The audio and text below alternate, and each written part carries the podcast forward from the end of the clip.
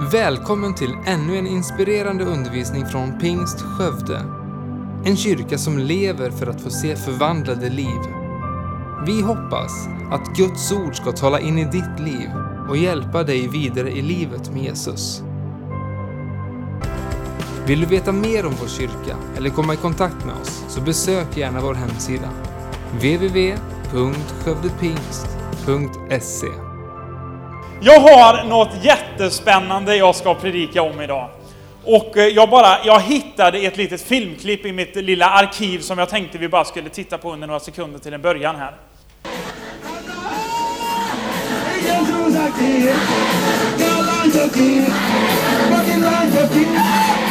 Jag tänkte om vi kunde försöka gestalta det här hoppet här idag. Jag, jag ska predika om hopp och så hittade jag den här och så tyckte jag bara var så härligt. De hoppar liksom helt vilda där va. Eh, det ska vi inte ge oss på ser jag, på eran blick mot mig. Eh, men det var kul att se i alla fall. Hopp, hopp, men det är inte det hoppet vi ska predika om. Det är ett annat hopp. Och jag, jag tänker så här, vad, vad har du liksom för hopp? Vad är det du har ställt in ditt hopp på i livet? Eller vad är det du hoppas på för någonting? Eh, Jag ställer mig den frågan själv, så här, vad, är det man, vad är det egentligen man hoppas på? Vad är det man sätter sitt hopp till för någonting? Och då kan man säga, men vad är hopp för någonting? Och nu tänker jag då inte på rörelsen hopp här, utan på ordet hopp. Eh, Och en annan synonym till hopp är tillit eller förtröstan. Då är ni med lite mer va? Vad är det man sätter sin tillit till här i livet? Vad är det man sätter sin förtröstan till? Eh, Och det kan ju vara massa olika grejer. Ni vet ju att jag, jag gillar ju sport och så här. Jag tycker det är lite kul att titta på och följa. Eh, Och det är ju ofta man använder hopp i, i idrottsvärlden. Och nu, nu tänker jag inte på backhoppning eller längdhopp då. Utan eh, när det var vinter-OS här för inte så länge sedan så talade man ju om att vi i Sverige vi måste ju ändå ta några medaljer. Visst, var det, visst ville vi det? Ja, och man sitter, du vet, man har målat sig gul och blå och sitter liksom i Sveriges flagga framför tvn och, och liksom ropar sig hes va. Men då så är det ju så här, så talar man om att till exempel Charlotte Kalla är ju Sveriges hopp till en medalj, eller till ett guld va. Eller vem ska vi ta? Eh, led, Marcus Hellner. Visst är han liksom vårt guldhopp, vår chans till att få en medalj. Vår chans till att få en medalj. Så att jag kan sitta där hemma och veta att vi har vunnit guld. Visst är det så?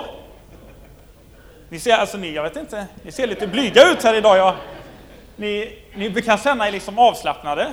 Det, ni behöver inte vara rädda för någonting, utan skratta om du vill skratta. Och känn dig som hemma va? Det ser ut som vi ska liksom ha ihjäl mig tänkte jag säga, det menar jag inte men... Eh.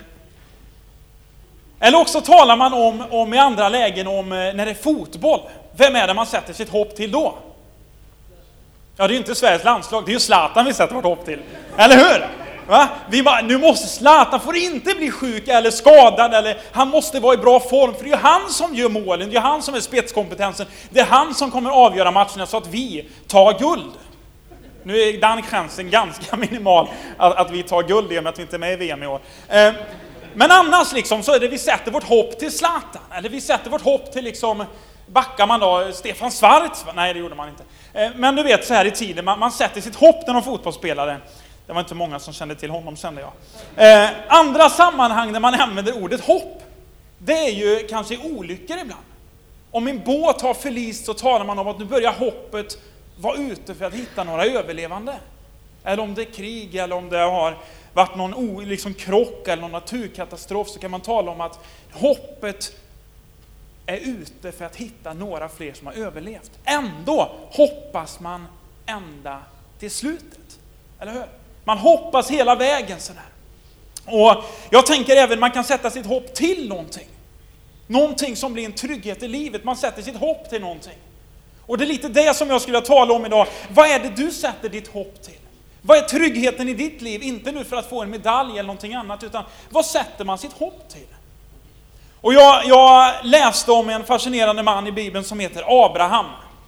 Har ni hört om honom? Ja, ja, några. Eh, det är en, en härlig man. Och när man läser om honom så, så förstår man efter ett tag att han eh, är gift med, med, en hustru, med sin hustru då, som heter Sara.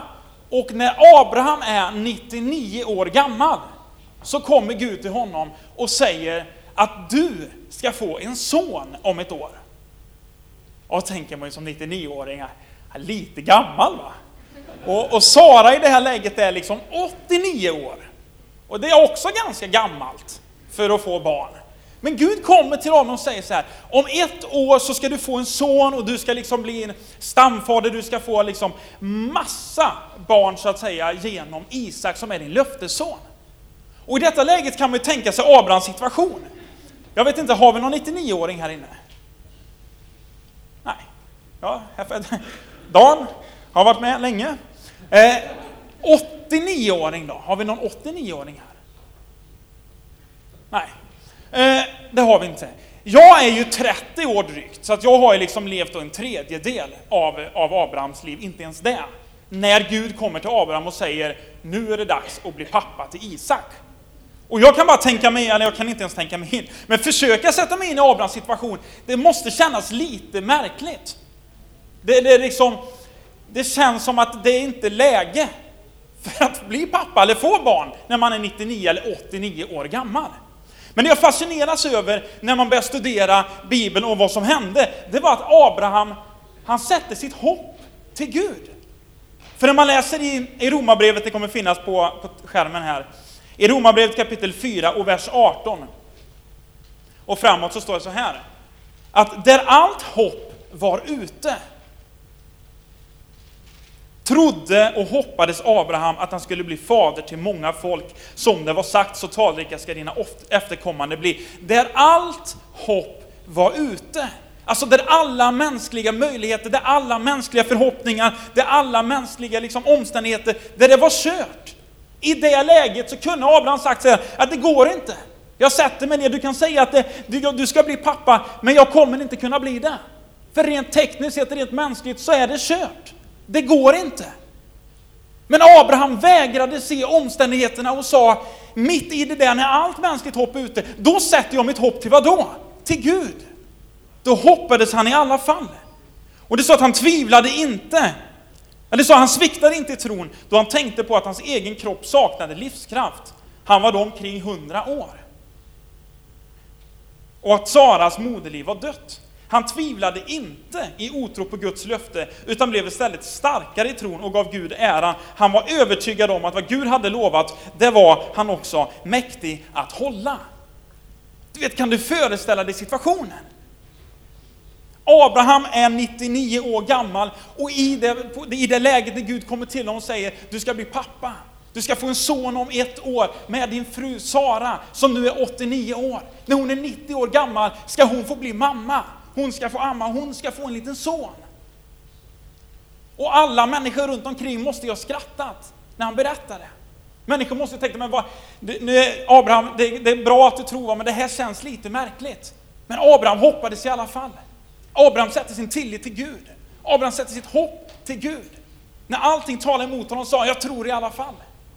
Och ett år senare så kommer Isak. Ett år senare så står Abraham och Sara med löftessonen, trots allt motstånd, trots alla omöjligt, trots det som inte skulle gå, där allt hopp var ute, hoppades han i alla fall. Och så står han där.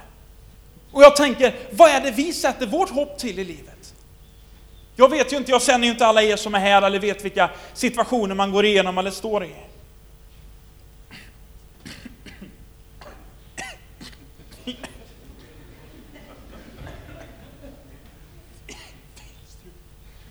fel strupe.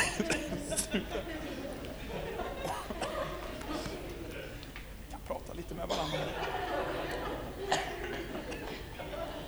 Det finns ju en luft och en, en annan va? Man ska inte dricka luftstrupen. Så ingen sagt det förut. Wow. Den här. Jag har kolsyra också vet du.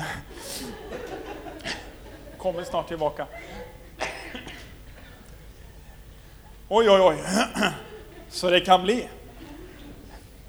Vi får hoppas det blir bra va? Oj, oj. Det är så. Nu, nu kommer röstläget tillbaka här. Det kan bli så där ibland.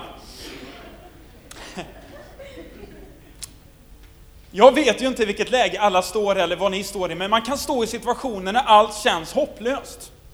När det mänskligt sett talar emot en, kanske att man har liksom fått sjukdom i sin närhet, eller man står i en ekonomisk svårighet, eller man står i relationsproblem och säger ja men det går inte att lösa. Frågan är, vart sätter man sitt hopp? Sätter man sitt hopp till, till Gud? Eller sätter man sitt hopp till någonting annat? Och det där är så intressant för mig, för att man kan sätta sitt hopp till, till pengar, man kan sätta sitt hopp till utbildning, till, till fastigheter, till att man har hus, eller till vänner, till familj, till massa grejer. Men vad händer när det börjar vackla? Vad händer när omständigheterna talar emot en? Vad händer när det där som man trodde var tryggheten och hoppet inte längre är en trygghet och ett hopp? Vad, vad gör man då? För drygt en månad sedan så var jag ju nere i Etiopien, i en stad som heter Sire. Eh, och eh, när jag kom dit ena, ena kvällen, vi hade en stor kampanj där nere, så kom en kvinna eh, med en käpp gående till kampanjen. Hon hade svårt att gå, så hon var tvungen att ha käppen och luta sig mot för att liksom eh, halta sig fram i livet. Och hon kom dit och mänskligt sett så var det eh, liksom så det skulle se ut resten av hennes liv. Hon hade förmodligen smärta och hade svårt att gå. Och hon hade ju kunnat köpa det för att det fanns förmodligen ingenting att göra för hennes ekonomi eller hennes möjlighet eller hennes utveckling i det landet. Men hon kom dit och satte sitt hopp till Gud. Och mitt under mötet i förbönen så kommer hon upp på scenen och säger att jag behöver inte den här käppen längre. Och så ger hon namn till Per som prikar den kvällen och så säger hon jag kan lika gärna gå utan nu. Och så går hon därifrån fullt frisk, återställd. Varför då? Därför att hon hade sett sitt hopp till Gud. Hon hade sett sin förtröstan, sin tillit, allt hon hade till Gud. Ja men Martin, det, det, var ju det var ju omöjligt för henne, precis. Det är det som Gud älskar. Han tar det som är omöjligt och så gör han det möjligt. Han tar alla omöjligheter och vänder dem till möjligheter. Det är sån Gud är, helt suverän. Vi fick se så mycket där nere, men det är bara en bild på en kvinna som kom dit och sätter sitt hopp till Gud. Och jag frågar, vad sätter du ditt hopp till? Vad är det vi sätter våran tillit till, våran förtröstan till? Bibeln är tydlig när han talar om hopp, eller om tillit eller förtröstan och säger så här i psalm 25, vers 3 att nej, ingen kommer på skam som hoppas på dig.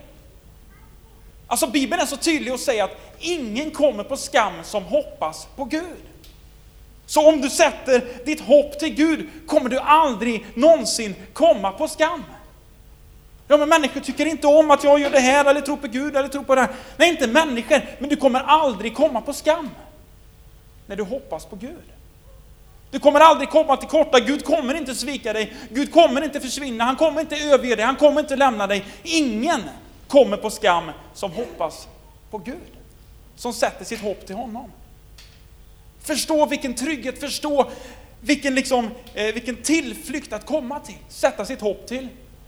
Gud. I Jeremia 29 och 11 så, så säger, säger skriften så att jag vet vilka tankar jag har för er, säger Herren. Nämligen fridens tankar och inte ofärdens, för att ge er en framtid och ett, ett hopp. Ibland har människor bilden av en Gud som sitter där uppe som en slags domare i himlen och bara, nu ska jag sätta dit dig. Nu har du syndat, eller vet, nu ska jag döma, nu ska jag göra det. Nej, men det är inte den bilden. Vad är det Herren säger? Jag vet vilka tankar jag har för dig. Eller för dig, för dig, för dig, för dig. Nämligen fridens tankar och inte ofärdens. För att ge er en framtid och ett, ett hopp. Att ge någonting som håller. Någonting som är fast, någonting som kommer fortsätta även om omständigheterna runt omkring vacklar. I Matteus 12 och 21 så står det, och till hans namn, alltså till Jesus, ska folken sätta sitt... Jag börjar landa här snart. Och till hans namn ska folken sätta sitt, sitt hopp. Till vem då? Till Jesus. Man kan välja att sätta sitt hopp till massa andra grejer, men jag vill påstå att det andra kommer inte att hålla. Det är först när man sätter sitt hopp, sin förtröstan, sin tillit till Jesus som det kommer att hålla. I första Timoteusbrevet kapitel 6 och vers 17. Jag vet det blev en hel radda med bibelord här.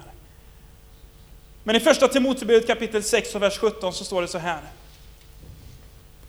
Det kommer upp också. Uppmana dem som är rika i den här världen att inte vara högmodiga eller sätta sitt till något så osäkert som rikedom, utan till Gud som rikligt ger oss allt att njuta av. Uppmana dem. Alltså, jag uppmanar er idag att inte vara oförståndiga och sätta ert hopp till något så osäkert som rikedom. Utan sätt ert hopp till Gud, som rikligt ger oss allt att njuta av. Men vad lätt det är att man sätter sin förtröstan till att, att man ska ha en, en, en utbildning. Jag säger inte att det här är fel nu. Men man pratar om utbildning och jobb och man ska ha liksom hus och man ska ha det och det och det. Och på något sätt så blir det ibland ens fasta borg. Det är det som är tryggheten. Det är det. Alltså har du liksom inget hus, har du inte investerat i det, har du inte sparat, har du ingen pension? Inte vet jag, jag har ingenting av det där. Jo, det har jag. Men jag har sett mitt hopp till Gud. Är ni med? Det är det som är tryggheten.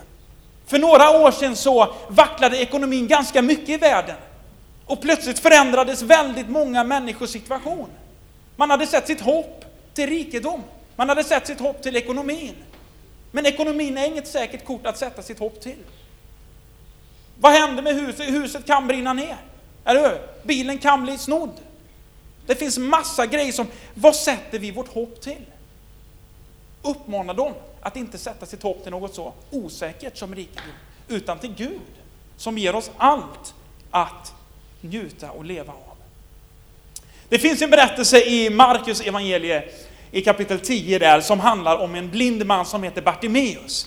Och den där berättelsen den, den tycker jag är fascinerande. Nu ska jag ta det lite försiktigare här. Så vad bra det gick vet ni. Bartimeus, den blinde Bartimeus. Han står där satt vid vägkanten och tiggde pengar. Hans situation var ganska hopplös. För mig blir det motsatsen till när man har hopp. Va? Det är hopplöst. Han sitter blind vid vägkanten och tigger pengar dag ut och dag in. Han ser ingenting, han bara hör att det kommer människor, han vet inte hur de ser ut, han vet inte hur omgivningen ser ut. Kan du tänka dig in i situationen? Det är nästan du ska prova att blunda där du sitter. Och tänka att ja, men nu är jag Bartimeus, här sitter jag, kan inte se någonting, men jag bara hör en massa ljud hela tiden. Du vet inte ens vart jag är om du, nu blundar ni inte. Eh, om jag går omkring här. Man bara, vilken jobbig känsla det är. Att veta att ja, men jag ser ingenting, men jag bara hör att det händer massa grejer.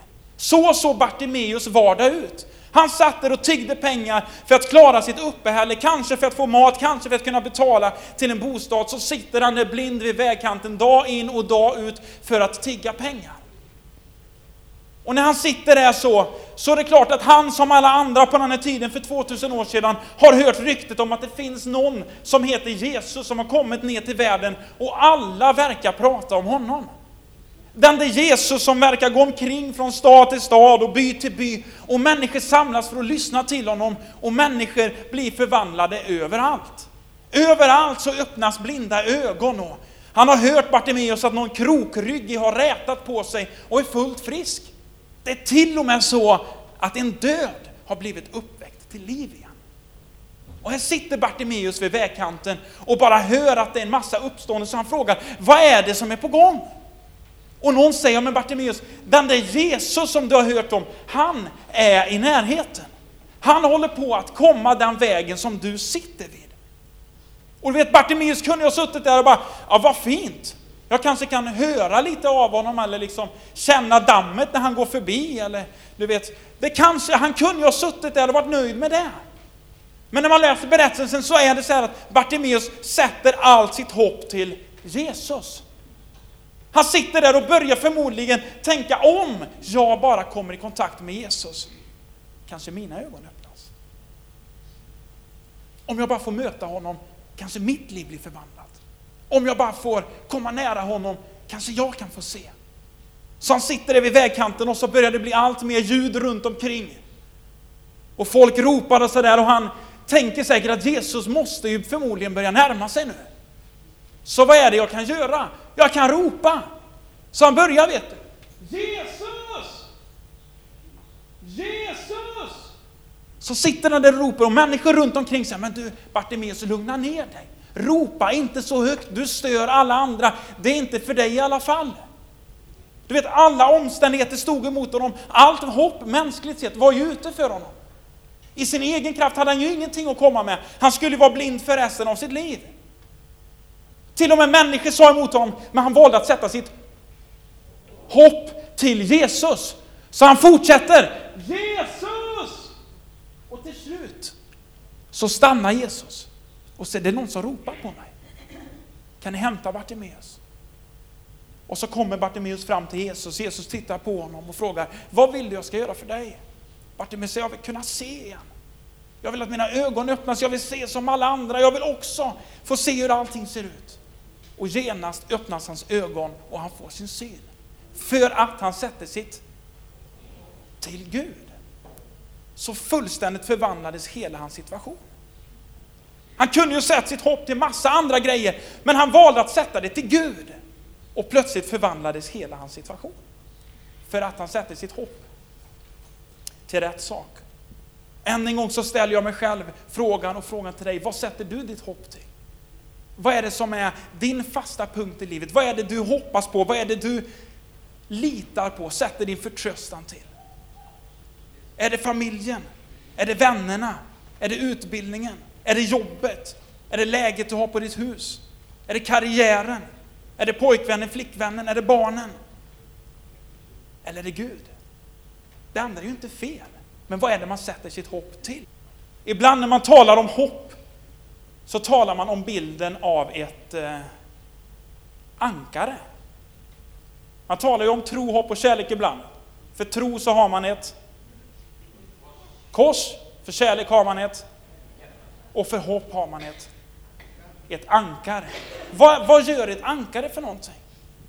Jo, det blir ju på något sätt en säker knytpunkt, en säker, liksom, man kan eh, förankra på ett säkert sätt.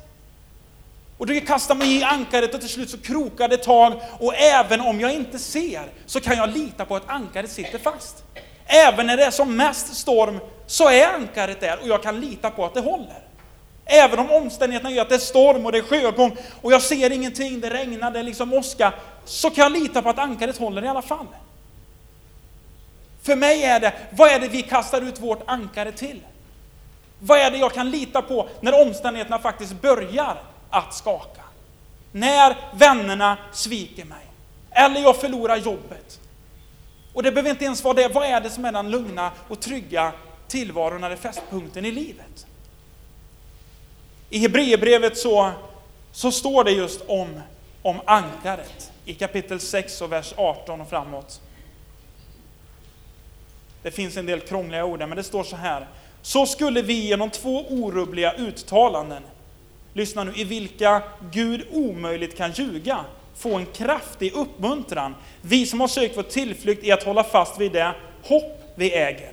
I detta hopp har vi ett tryggt och säkert själens ankare som når innanför förlåten, dit Jesus för vår skull gick in och öppnade vägen för oss när han blev överstepräst för evigt, en sådan som Melkisedek. Vad Bibeln säger är att vi kan kasta vårt själens ankare ända in genom förlåten i templet, så ända in till Gud. Kroka fast i honom. Och hålla fast där. Även om vi inte ser allting, även om vi inte förstår allting, så vet vi att när ankaret krokar fast vid Gud, så är det en säker tillflykt. Även när allt annat stormar så kan jag hålla fast vid det.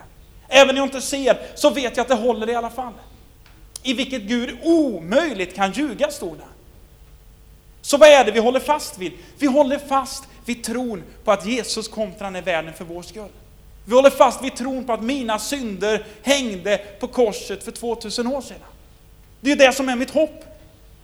Mitt hopp är ju att Jesus bar all min sjukdom, all min förbannelse, alla mina felslag, alla mina misstag, allt som jag hade gjort fel. Allt det bar Jesus upp på korset för att jag skulle få ett evigt liv och syndernas förlåtelse.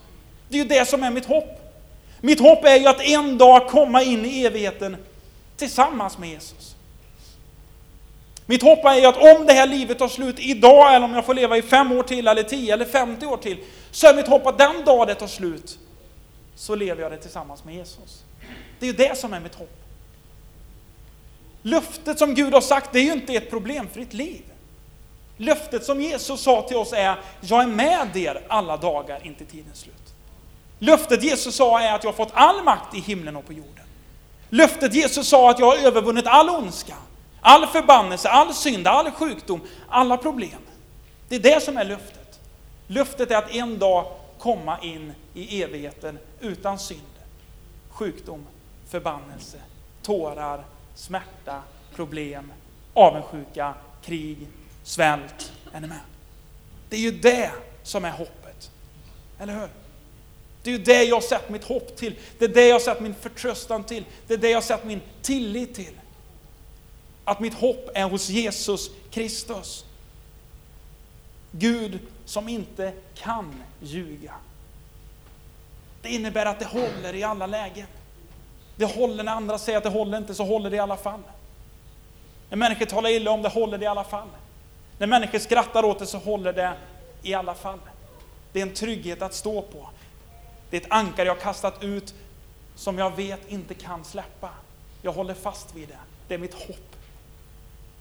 I torsdags, måste tänka, var det första maj i torsdags? Ja, du vet, då var jag ute på Bergs prästgård. Det var dags för årets kosläpp. Har ni varit på kosläpp? Ja, det är vi, vi som inte har levt på landet. Som åker ut och tittar på de här roliga sakerna, vet du. Eh, Tidaholm är inte landet. Nej. Sitter de här, vet du, på först? Ja, det är härligt. Tidaholm är, är, en stor stad på många sätt och vis.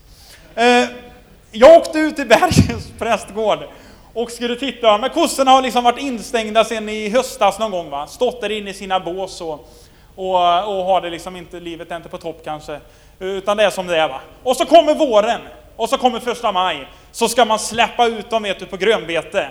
Och så kommer det dit, alltså det var så mycket folk där. Det var helt packat vet du. Och så, så står man där och liksom väntar på att nu ska de släppa kossorna lösa, vet du. De springer och hoppar upp och ner och är helt så här till sig va.